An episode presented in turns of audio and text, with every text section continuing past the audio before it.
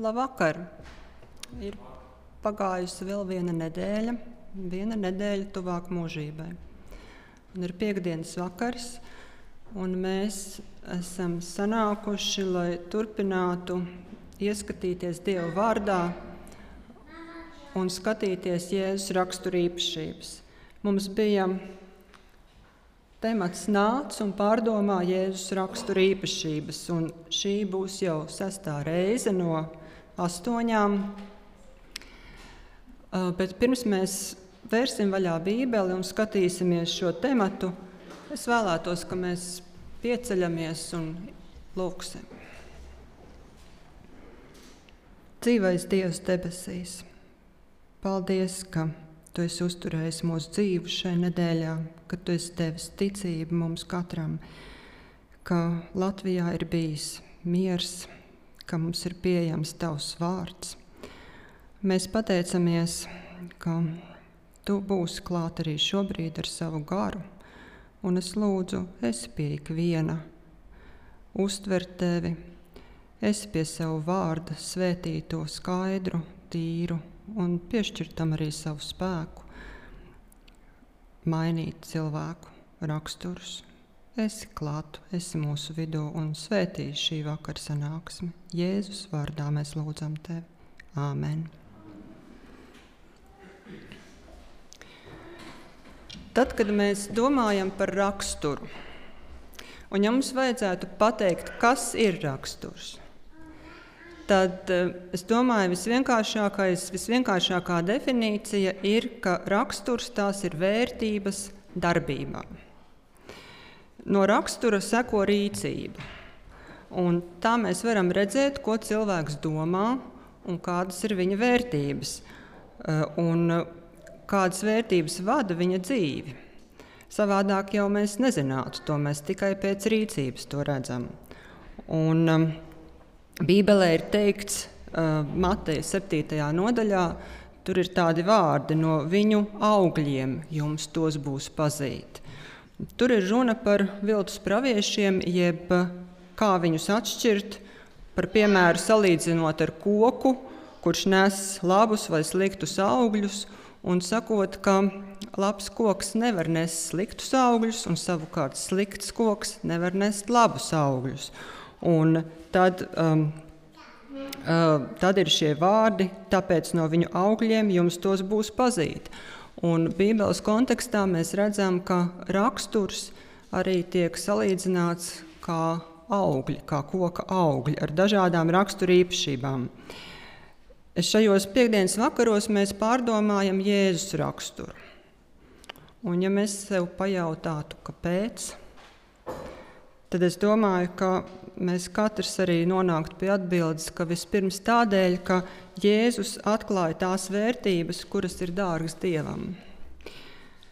Jēzus atklāja tēvu, tā kā tas ir rakstīts Jāņa 14.9. Kas man ir redzējis, tas ir redzējis tēvu. Un otrkārt, kādēļ mēs ieskatāmies Jēzus raksturīpašībās, es domāju, ir tas, ka apustulis Pāvils to saka Galatiešiem 2.20. Viņš saka, ka Kristus dzīvo mūsos. Līdz ar Kristu esmu krustā sists, bet nu nedzīvoju es, bet manī dzīvo Kristus. Tā viņš teica par sevi. Un es domāju, ka um, tie ir ļoti nopietni vārdi, un tādēļ mēs arī pārdomājam Kristus raksturu, salīdzinot ar sevi, cik daudz mēs ļaujam Kristus raksturam sevī veidoties un cik daudz mums vēl ir jāatļauj. Un šovakar, šovakar īpašība, par ko mēs skatīsimies, ir pazemība. Um, un man, tad, kad es gatavoju šo tēmu, man likās, ka vislabāk saprast pazemību ir iespējams tad, ja mēs mazliet ieskatāmies, kas tad ir pretstats pazemībai. Pretstats ir lepnums, augstprātība, augstas domas par sevi. Pazemībai pretstats ir arī nevēlēšanās paklausīt, uzklausīt Dievu vārdu, tādēļ, ka liekas, ka uh, mans es zina labāk. Un, uh, Dievs pie radīšanas cilvēkiem deva brīvas izvēles iespēju. Viņš deva lemt spēju, domu brīvību, uh, bet tā kā mēs visi esam dzimuši zem grēka varas, tad mūsu es saceļas pret Dievu. Un tikai salīdzinot to ar Jēzu, mēs nonākam pareizā stāvoklī attiecībā pret Dievu. Un šis pareizais stāvoklis ir pazemība. Jo citiem vārdiem Bībelē mēs skatāmies, mēs redzam, ka pazemība tā ir Dieva bijība. To ļoti labi raksturo vārdi arī no Ījaba 18. nodaļas 11, 12. Tur Dievs saka tā: Atgriezieties, ja lik viens no sava ļaunā ceļa, un labojiet savu dzīves nostāju, savu rīcību un visu savu dzīvi. Bet tie atbildēs: Velti, nepūlies! Mēs sekosim paši savām domām un saviem ieskatiem un rīkosimies ik viens pēc savas ļaunās sirds nepielaidības. Un te mēs redzam, ka pazemībai pretstats ir nepielaidīga sirds. Sirds, kas turās pretī. Kāpēc pazemība kā raksturīpašība būtu tik svarīga? Šķiet, mēs saprotam, ka tas ir tādēļ, ka tieši sacelšanās pret radītāju debesīs notika tādēļ, ka nebija pazemības. Tā bija lepnuma vadīta, kad Lucifers teica, kāpēc Jēzus, kāpēc nes? Es gribu būt pirmais.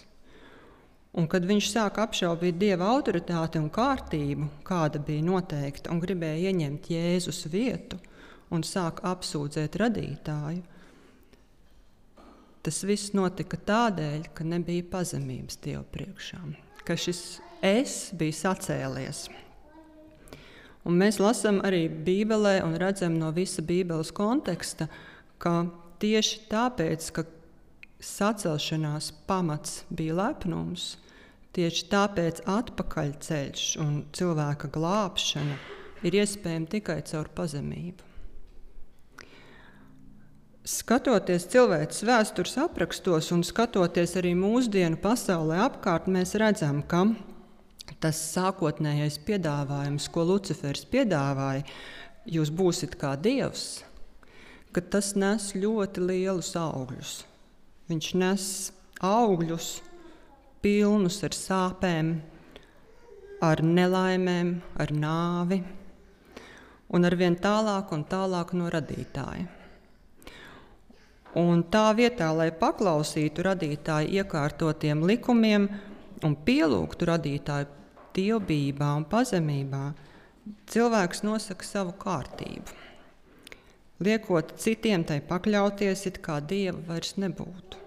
Un cilvēkiem būtu tiesības noteikt, kas ir labs un kas ir ļauns, kas ir patiesība un kas nē. Un cilvēki arvien vairāk un vairāk izpilda šo piedāvājumu būt kā dievs. Un arvien vairāk un vairāk attālinās no radītāja. Tādēļ arī mēs saprotam, ka pazemība, kas ir pretstats šim būt kā dievs, ir tik ārkārtīgi svarīga, lai atgrieztos mājās, lai atgrieztos pie radītāja. Un es biju ļoti pārsteigta, kad es ieraudzīju grāmatu,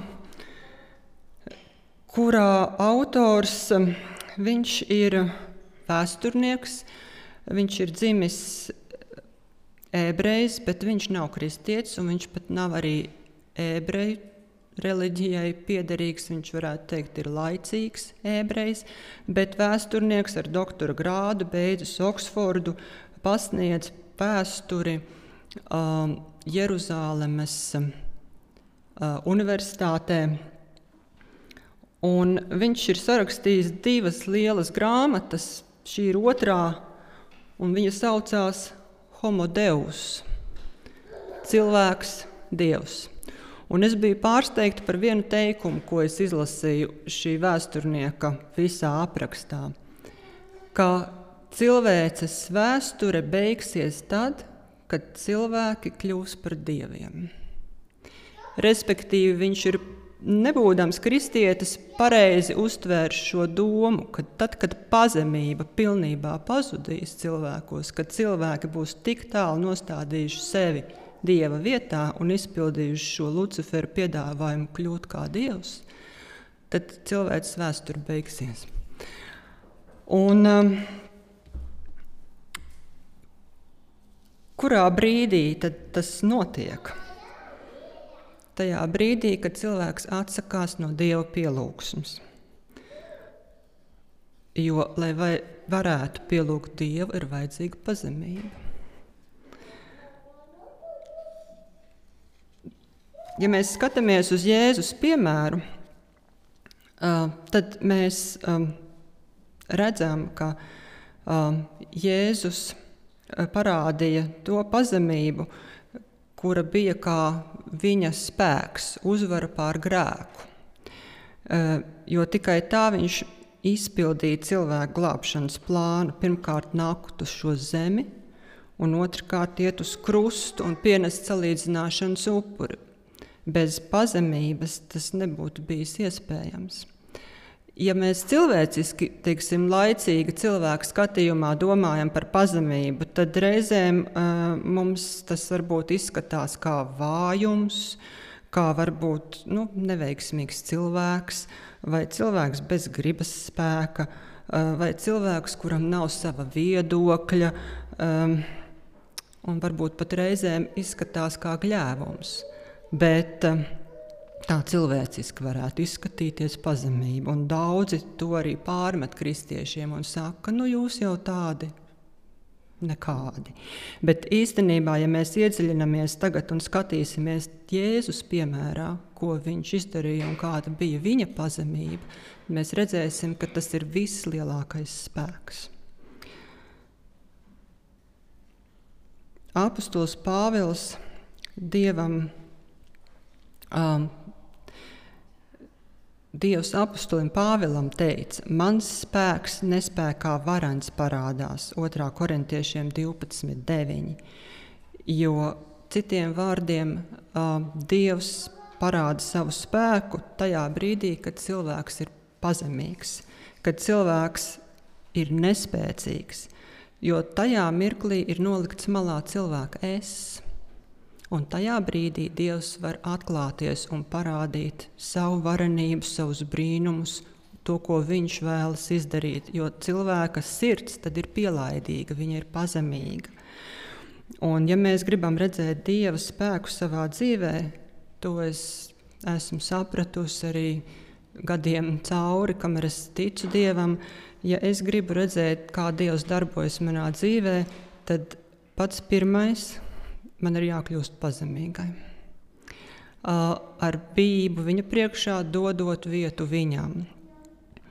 Laikmetu ilgās grāmatā, laikmetu ilgas 13. lapas pusē, tur ir rakstīti šādi vārdi. Pasauli aptumšoja nepareizs priekšstats par Dievu, lai izkliedētu tumšās ēnas un cilvēci vestu atpakaļ pie Dieva Sātana viltus svara bija jālauž. To nevarēja veikt ar spēku. Spēka pielietošana ir pretstatā dieva pārvaldes principiem. Dievs vēlas, lai viņam kalpotu mīlestībā, bet mīlestībai nevar pavēlēt. Mīlestība nevar iegūt ar varu vai autoritāti. Mīlestību spēj izraisīt tikai mīlestība. Jēzus varēja palikt pie tēva. Viņš varēja paturēt debesu godību un eņģeļu pielūgsmi, taču izvēlējās nodot scepteri tēva rokās un nokāpt no visuma troņa, lai nestu gaismu un dzīvību tiem, kas mīt tumsā un kam draud bojā eja.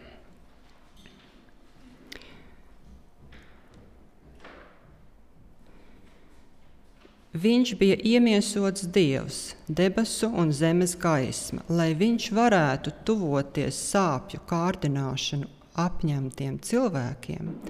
Viņa godība bija aizplīvota, viņa lielums un majestāte paslēpti. Tā bija viņa pazemība, ka viņam bija jāpaslēpj savs dievišķums, sava varenība, sava godība, lai atnāktu uz šo zemi.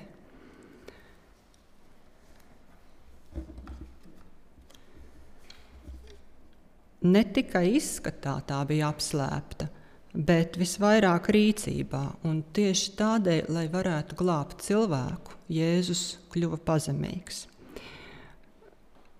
Varbūt viņa kalpošanas sākumā, kad viņš parādīja brīnumus un, un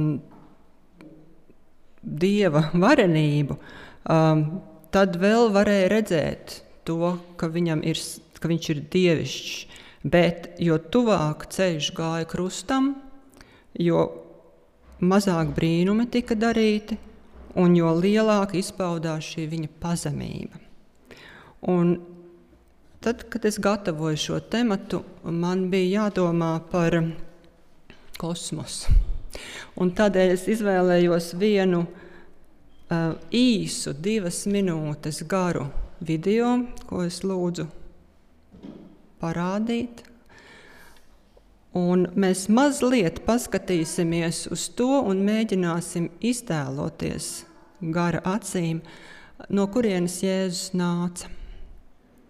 Domājot par to, ko viņš atstāja, lai kļūtu pazemīgs un lai atnāktu glābt cilvēkus.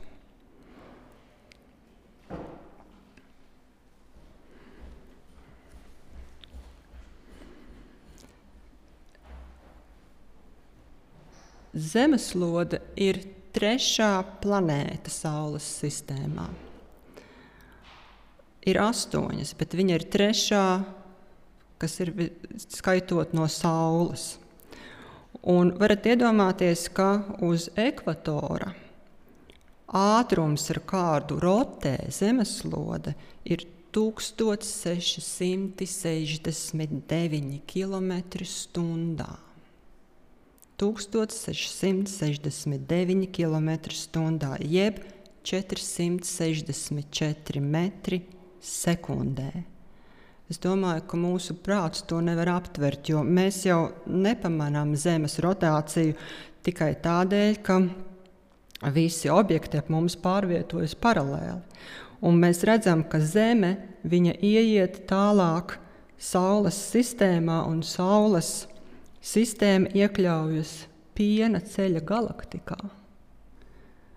Galaktikā esot 200 līdz 400 miljardu zvaigžņu vienā galaktikā. Un tas ir tikai tas, ko cilvēks domā, ka viņš var to izpētīt. Un šādu galaktiku ir ļoti, ļoti daudz. Un varat iedomāties, ka piena ceļš pārvietojas ar ātrumu šī galaktika ar ātrumu 550 km/h. Tāds ātrums ir kosmosā. Mūsu prāts to nespēja aptvert. Tas tikai mazliet, mazliet no tās varenības, kas tur ir. Un arī šis ir tikai tas, ko cilvēks ar savām tehnoloģijām ir varējis izpētīt. Bet ir daudz, daudz vairāk, jo Bībele saka, ka Tas, ko neviena acis nav redzējusi, to Dievs ir sagatavojis tiem, kas viņu mīl. Ieba 38, 31. Tur ir vārdi, vai tu sēji kopā gaišām saitēm sietiņa zvaigznes, vai tu raisīji vaļā Oriona zvaigžņu jostu? Cilvēki piena ceļu nosauc par piena ceļu, šo lielo zvaigžņu, gandrīz 400 miljardu zvaigžņu apkopojumu, kurā ieiet mūsu Saules sistēma un mūsu Zeme. Bībele to nosauc par zvaigžņu jostu. Un tad varat iedomāties, ka Jēzus atstāja šo varenību, šo bezgalību, mūžību, lai nonāktu pie cilvēkiem un lai nodrošinātu cilvēkiem atpakaļ ceļu uz mājām. Tur, kur pēc radīšanas, pēc būtības mēs piedarām, tā bija viņu, viņa pazemība. Un domājot par šo, man bija tāds pamudinājums um, teikt, varbūt īpaši jauniešiem, arī pieaugušajiem, bet uh, jauniešiem, Tad, kad jums ir šaubas, vai tiešām Dievs ir, un vai tiešām viss ir tā, kā jums māca jūsu ticīgie vecāki, tad uh, paskatieties visumā, paskatieties, atveriet YouTube, ierakstiet NASA space video un paskatieties. Un tad uzdodiet sev jautājumu, vai tiešām tas viss, ko tur var redzēt, un tas ir tikai maza, maza daļiņa, vai tas nepārliecina par radīšanu, par to varenību un brīnumiem, no kurienes Jēzus atnāca, lai piedāvātu cilvēkiem iespēju tikt glābtiem. Visi tie skaitļi, piemēram, šie kustības ātrumi kosmosā, kā rotē Zeme, kā rotē galaktika, zvaigžņu skaits, Zemes atmosfēra, lai nodrošinātu labvēlību klimatu mums, gada laiki, precīzais attālums Zemē līdz Saulei, lai pasargātu no kaitīgiem ultravioletiem stariem, bet tāpat laikā arī nodrošinātu siltumu un gaismu, kas ir vajadzīgi dzīvībai. Visi šie, manuprāt, ir brīnumi. Un tad, ja mums jāliek pretī teorija par nejaušu sprādzienu rezultātu, par, par to, ka dzīvība ir izcēlusies nejaušības rezu, rezultātā, ziniet, tad man nav tik lielas ticības, lai tam ticētu man ir daudz mazāka ticība, lai ticētu radīšanai. Un, um, šī varenība mani pārliecina par radīšanu, un tādēļ arī tas, ko Jēzus ir izdarījis. Um, ja mēs skatītos šādās kategorijās, mēs redzētu uzreiz visdziļāko un vislielāko pazemību. Um, Kādēļ Jēzus to darīja? Mēs saprotam, ka viņš to darīja mīlestības dēļ. Um, viņam bija ļoti liela mīlestība uz cilvēkiem, neiedomājama, mūsu prātam neaptverama mīlestība. Un šī mīlestība deva spēku pazemībai. Un, ja mēs to saprotam, tad mēs arī saprotam par sevi, kas mums ir var dot spēku būt pazemīgiem, ja izvēlēties būt pazemīgiem tajā brīdī, kad tas ir vajadzīgs attiecībā pret Dievu. Un mēs saprotam, ka vienīgais spēks ir mīlestība pret Dievu.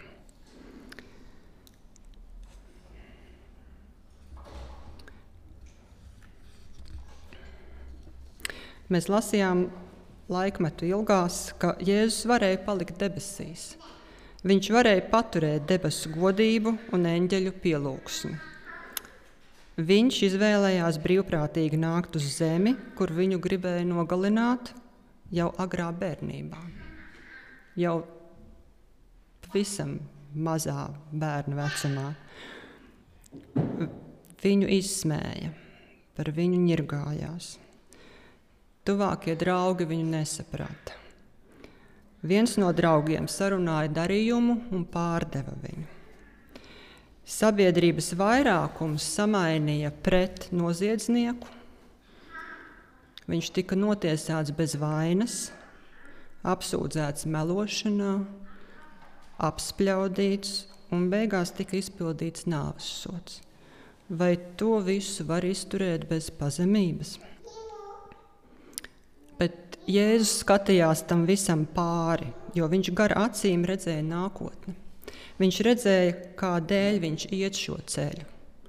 Un viņš atstāja mums pazemības piemēru, zinot, ka mums tas būs ļoti vajadzīgs tad, kad mums būs jāiet cauri saviem vissmagākajiem mūža vai, vai mūsu dzīves ceļa posmiem. Kā priekšā Jēzus pazemojās? Ārēji izskatījās, ka cilvēku priekšā. Jo viņš nepretojās. Viņš izskatījās bezspēcīgs, viņš nesauca palīgā debesu pulkus, nemuka, neslēpās. Ja viņš būtu atklājis savu spēku tajā brīdī, kad viņš tika apcietināts un vests uz krustu un pie krusta. Ja viņš to būtu izdarījis, visi cilvēki, kas tur bija, nomirtu, un viņa glābšanas plāns nebūtu izdevies. Viņš bija apslēpis savu varenību, kā mēs lasījām, lai kļūtu par salīdzināšanas upuri, par, par vislielāko upuri, un tā bija viņa pazemība. Viņš nepazemojās cilvēku priekšā, kā tas ārēji varēja izskatīties. Viņš pazemojās sava debesu tēva priekšā, lūdzot izturību līdz galam. Tā bija viņa cīņa lūgšanā, lai nepielietotu savu dievišķo spēku, lai neatteiktos no plāna, lai paklausītu dievam. Un Jēzus atstāja šo piemēru mums, tad, kad ir jāizcīna cīņa ar sevi, lai paliktu pazemībā un varētu paklausīt Dievam, eh, tad mums ir jāskatās uz Jēzus piemēru, uz šo paraugu, kas ir atstāts ģecemanē. Un to mēs varam lasīt, eh, kā Dieva gars to ir atklājis grāmatā Laikmeta ilgas 74. nodaļā. Un tur ir aprakstīts ģedzemans dārza notikums pirms tā brīža, kad, tika, kad viņam atnāca pakaļ, lai viņu vestu tālāk. Aizgriezies prom, Jēzus atkal atrada savu kluso paslēptuvi, un lielas tumsas un šausmu pārņemts pakrita pie zemes. Dieva dēla cilvēciskā daba šajā pārbaudījuma stundā trīcēja un drebēja. Tagad viņš nelūdz par mācekļiem, lai viņu ticība nemitētos, bet sauca uz Dievu pats savas kārdināšanām un mokām pakļautās dvēseles dēļ. Drausmīgais mirklis bija klāt. Mirklis, kuram jāizšķir pasaules nākotne. Cilvēces liktenis svārstījās svaru kausos. Kristus vēl varēja atteikties dzert rūkto biķeri, kas patiesībā bija jādzer grēcīgajam cilvēkam, vēl nebija par vēlu. Viņš varēja noslaucīt asins sviedrus no pieres un atstāt zemes iemītniekus, lai tie iet bojā savos grēkos.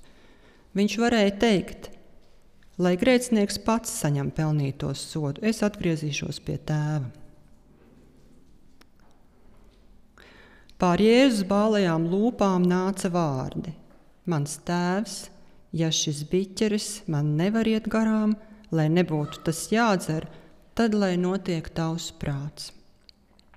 Šo lūkšanu viņš atkārto trīs reizes. Trīs reizes Jēzus cilvēciskums bailēs, vairās no pēdējā, no visu vainagojošā upura.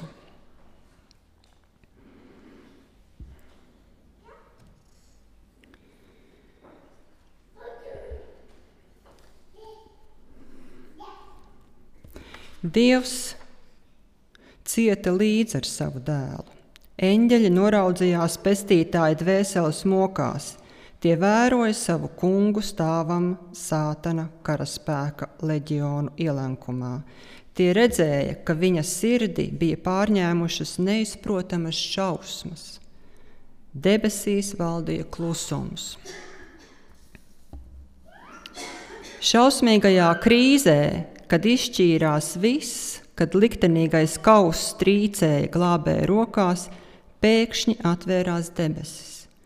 Gaisma ielauzās izšķirošās stundas vētrainajā tumsā, un varens eņģelis tagad steidzās pie Jēzus.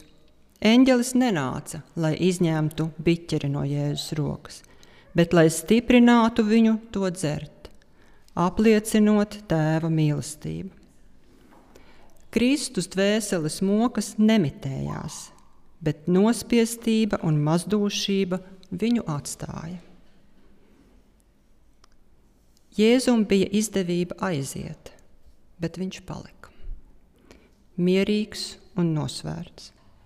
Kā pagodināts, viņš stāvēja šo ļaunumā norūdīto, cietsirdīgo ļaužu vidū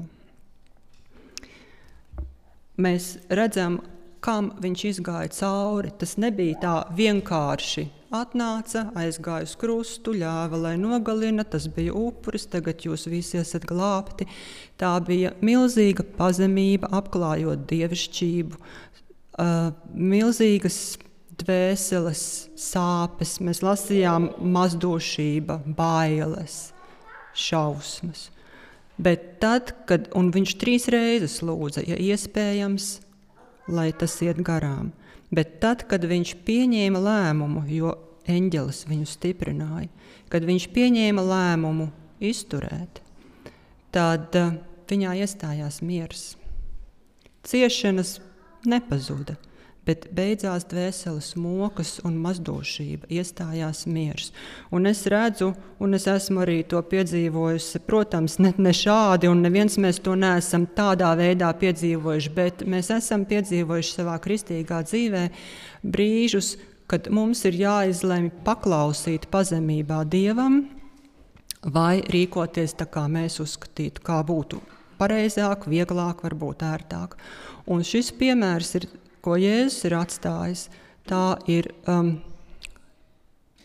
pie, pazemības mācību stunda, no kā mums ir jāņem piemērs. Ka tad, kad mums ir jāizlūdz no Dieva, lai mēs varētu viņam paklausīt, lai mēs varētu būt pazemīgi, tā ir lūkšana.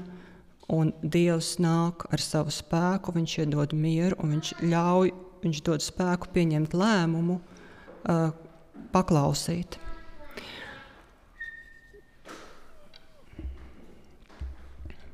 Jēzus pazemības rezultāts ir tāds, ka visā mūžībā viņš būs cilvēka dēls, lai mēs varētu būt dieva bērni.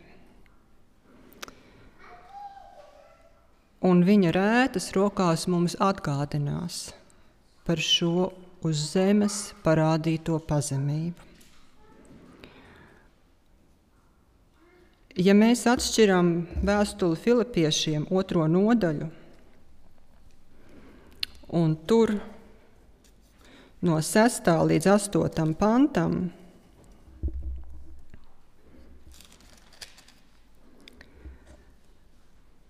par Jēzu ir rakstīts tā, ka dieva veidā būdams neturēja par laupījumu līdzināties dievam, bet sevi iztukšoja, pieņemdams kalpa veidu, tapdams cilvēkiem līdzīgs. Un cilvēka kārtā būdams, viņš pazemojās, kļūdams paklausīgs līdz nāvei, līdz pat krusta nāvei. Un mēs redzam, tad, ka pazemība ir iegūstama caur paklausību. Varbūt es gribētu savādāk, bet uh, mums ir jālūdz pēc Dieva spēka, paklausīt, darīt to, ko saka Dievs. Un, um, tā mēs arī mācāmies pazemību viņa priekšā. Nospiestība, mazdošība, dvēseles mokas, cilvēciskas bailes.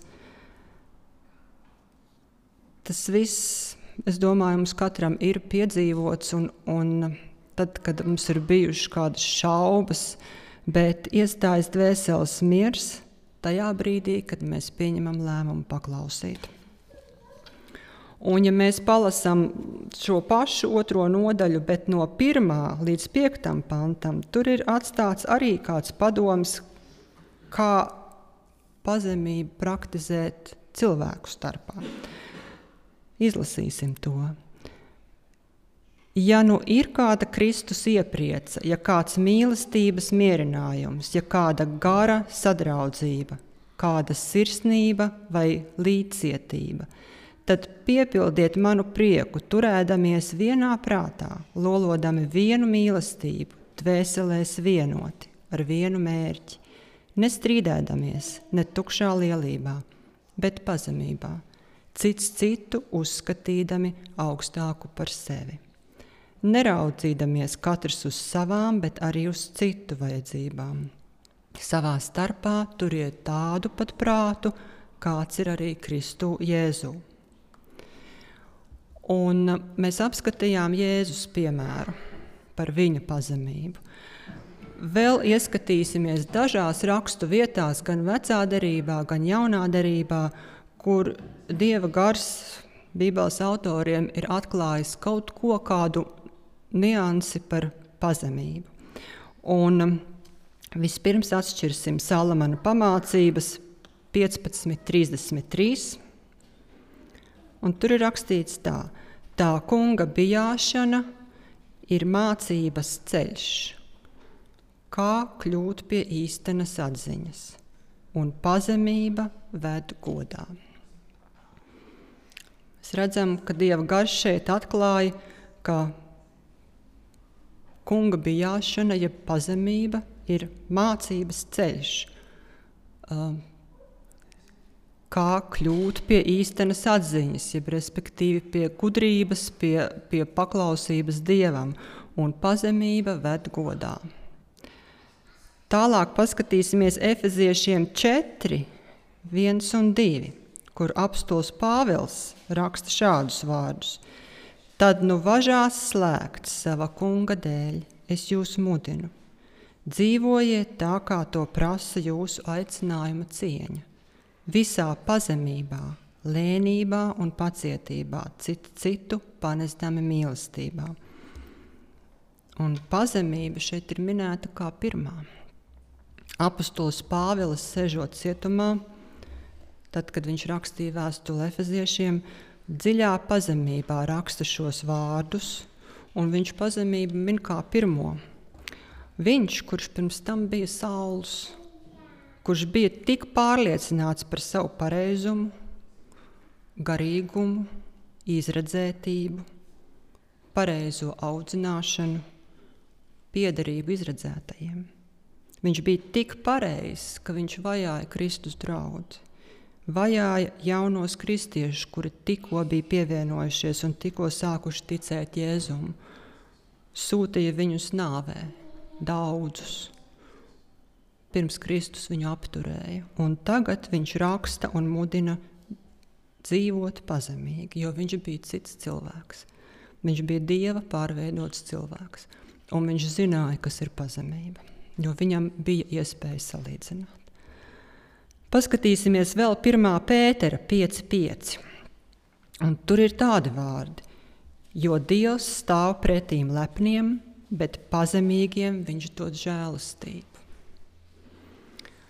Jēzus 57, 15. Jo tā saka tas augstais un varenais, kas mūžīgi dzīvo, viņa vārds ir svētais. Es dzīvoju augšā un svētnīcā un pie tiem, kam sagrausts un pazemīgs gars, lai atdzīvinātu garu pazemotiem un spirdzinātu sirdi sagraustiem. Un mēs redzam, ka Dievs ir kopā ar tiem, kuri viņa vārda dēļ iet cauri pazemojumiem un varbūt pat izsmieklam. Dievs ir kopā ar viņiem. Un vēl mēs varam lasīt Cefanijas 2.3. Meklējiet to kungu, jūs visi nelaimīgie šai zemē, jūs, kas ievērojat tā kunga likumus. Dzenieties pēc taisnības, kļūstiet pazemīgi lai jūs tā kunga dusmu dienā varētu glābšanu atrast. Mēs redzam, ka pazemība, jeb dieva bijība, ir saistīta ar glābšanu. Neviens cilvēks pats no sevis nav pazemīgs, to mēs arī zinām. Un, kad mēs domājam par sevi, cits ir lēnāks, cits ir straujāks raksturā, bet pazemību veido dieva gars cilvēkā.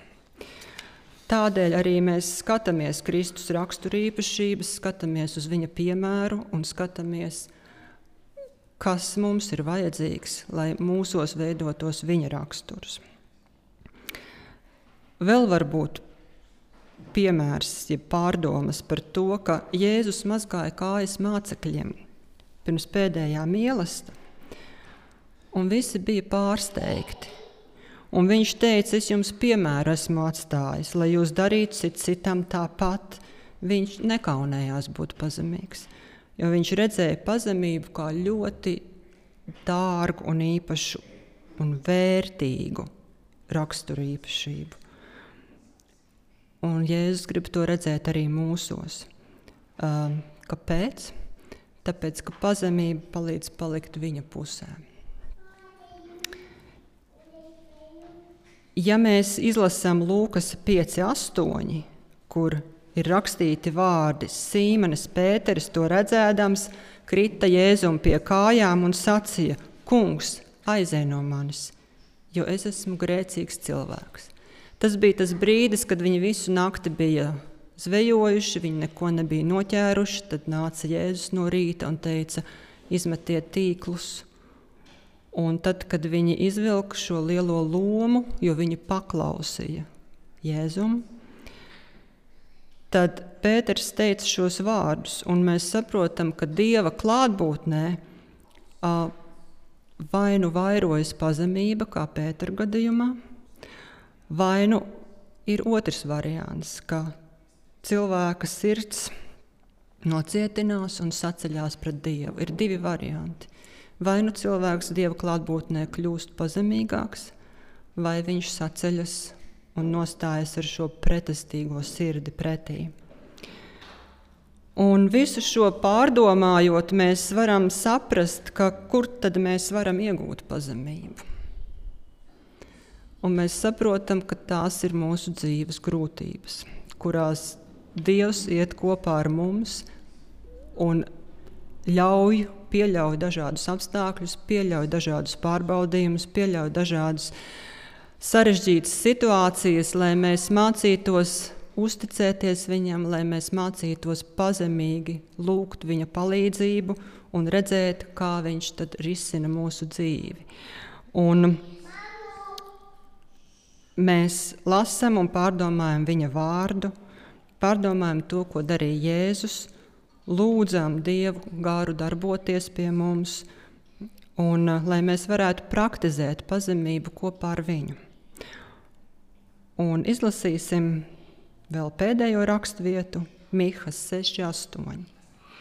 Tev cilvēki ir sacīts, kas ir labs un ko tas kungs no tevis prasa. Proti, darīt taisnību, īstenot dzīvē mīlestību un pazemīgi staigāt sava dieva priekšā. Un mēs redzam, ka pazemība iet kopā ar mīlestību uz Dievu. Tā ir tas motivējošais spēks. Un otra lieta - paklausība. Šīs visas trīs - pazemība, mīlestība, paklausība - viņas sadarbojas kopā un viņas veido mūsu raksturu un veido mūsu gājumu kopā ar Dievu. Un, ja mums vajadzētu tā kopsavilkumu savilkt un pateikt, tad eh, kādēļ mums ir vajadzīga pazemība? tad es domāju, mēs varētu teikt to, ka pirmkārt, lai atzītu Dievu, lai atzītu radītāju, lai lūgtu, arī lūkšanai ir vajadzīga pazemība, un lai paklausītu. Tādēļ arī trīs eņģeļu vēstī, ko mēs tagad mācīsimies Bībeles izpētē visu ceturksni, pirmā Vēsts ir pielūdziet radītāju, to, kas radījis debesis un zemi. Tas ir pazemības stāvoklis Dieva priekšā. Tas, ko Viņš no mums sagaida, ko Jēzus mums ir rādījis kā ļoti lielu piemēru. Un, uh, pārdomāsim šos vārdus un turēsimies pie tā, ko ir teicis Dievs un atklājis Mīkas 6,8. Darīt taisnību, īstenot dzīvē mīlestību un pazemīgi staigāt sava dieva priekšā. Āmen! Noslēgsim ar lūkšanu.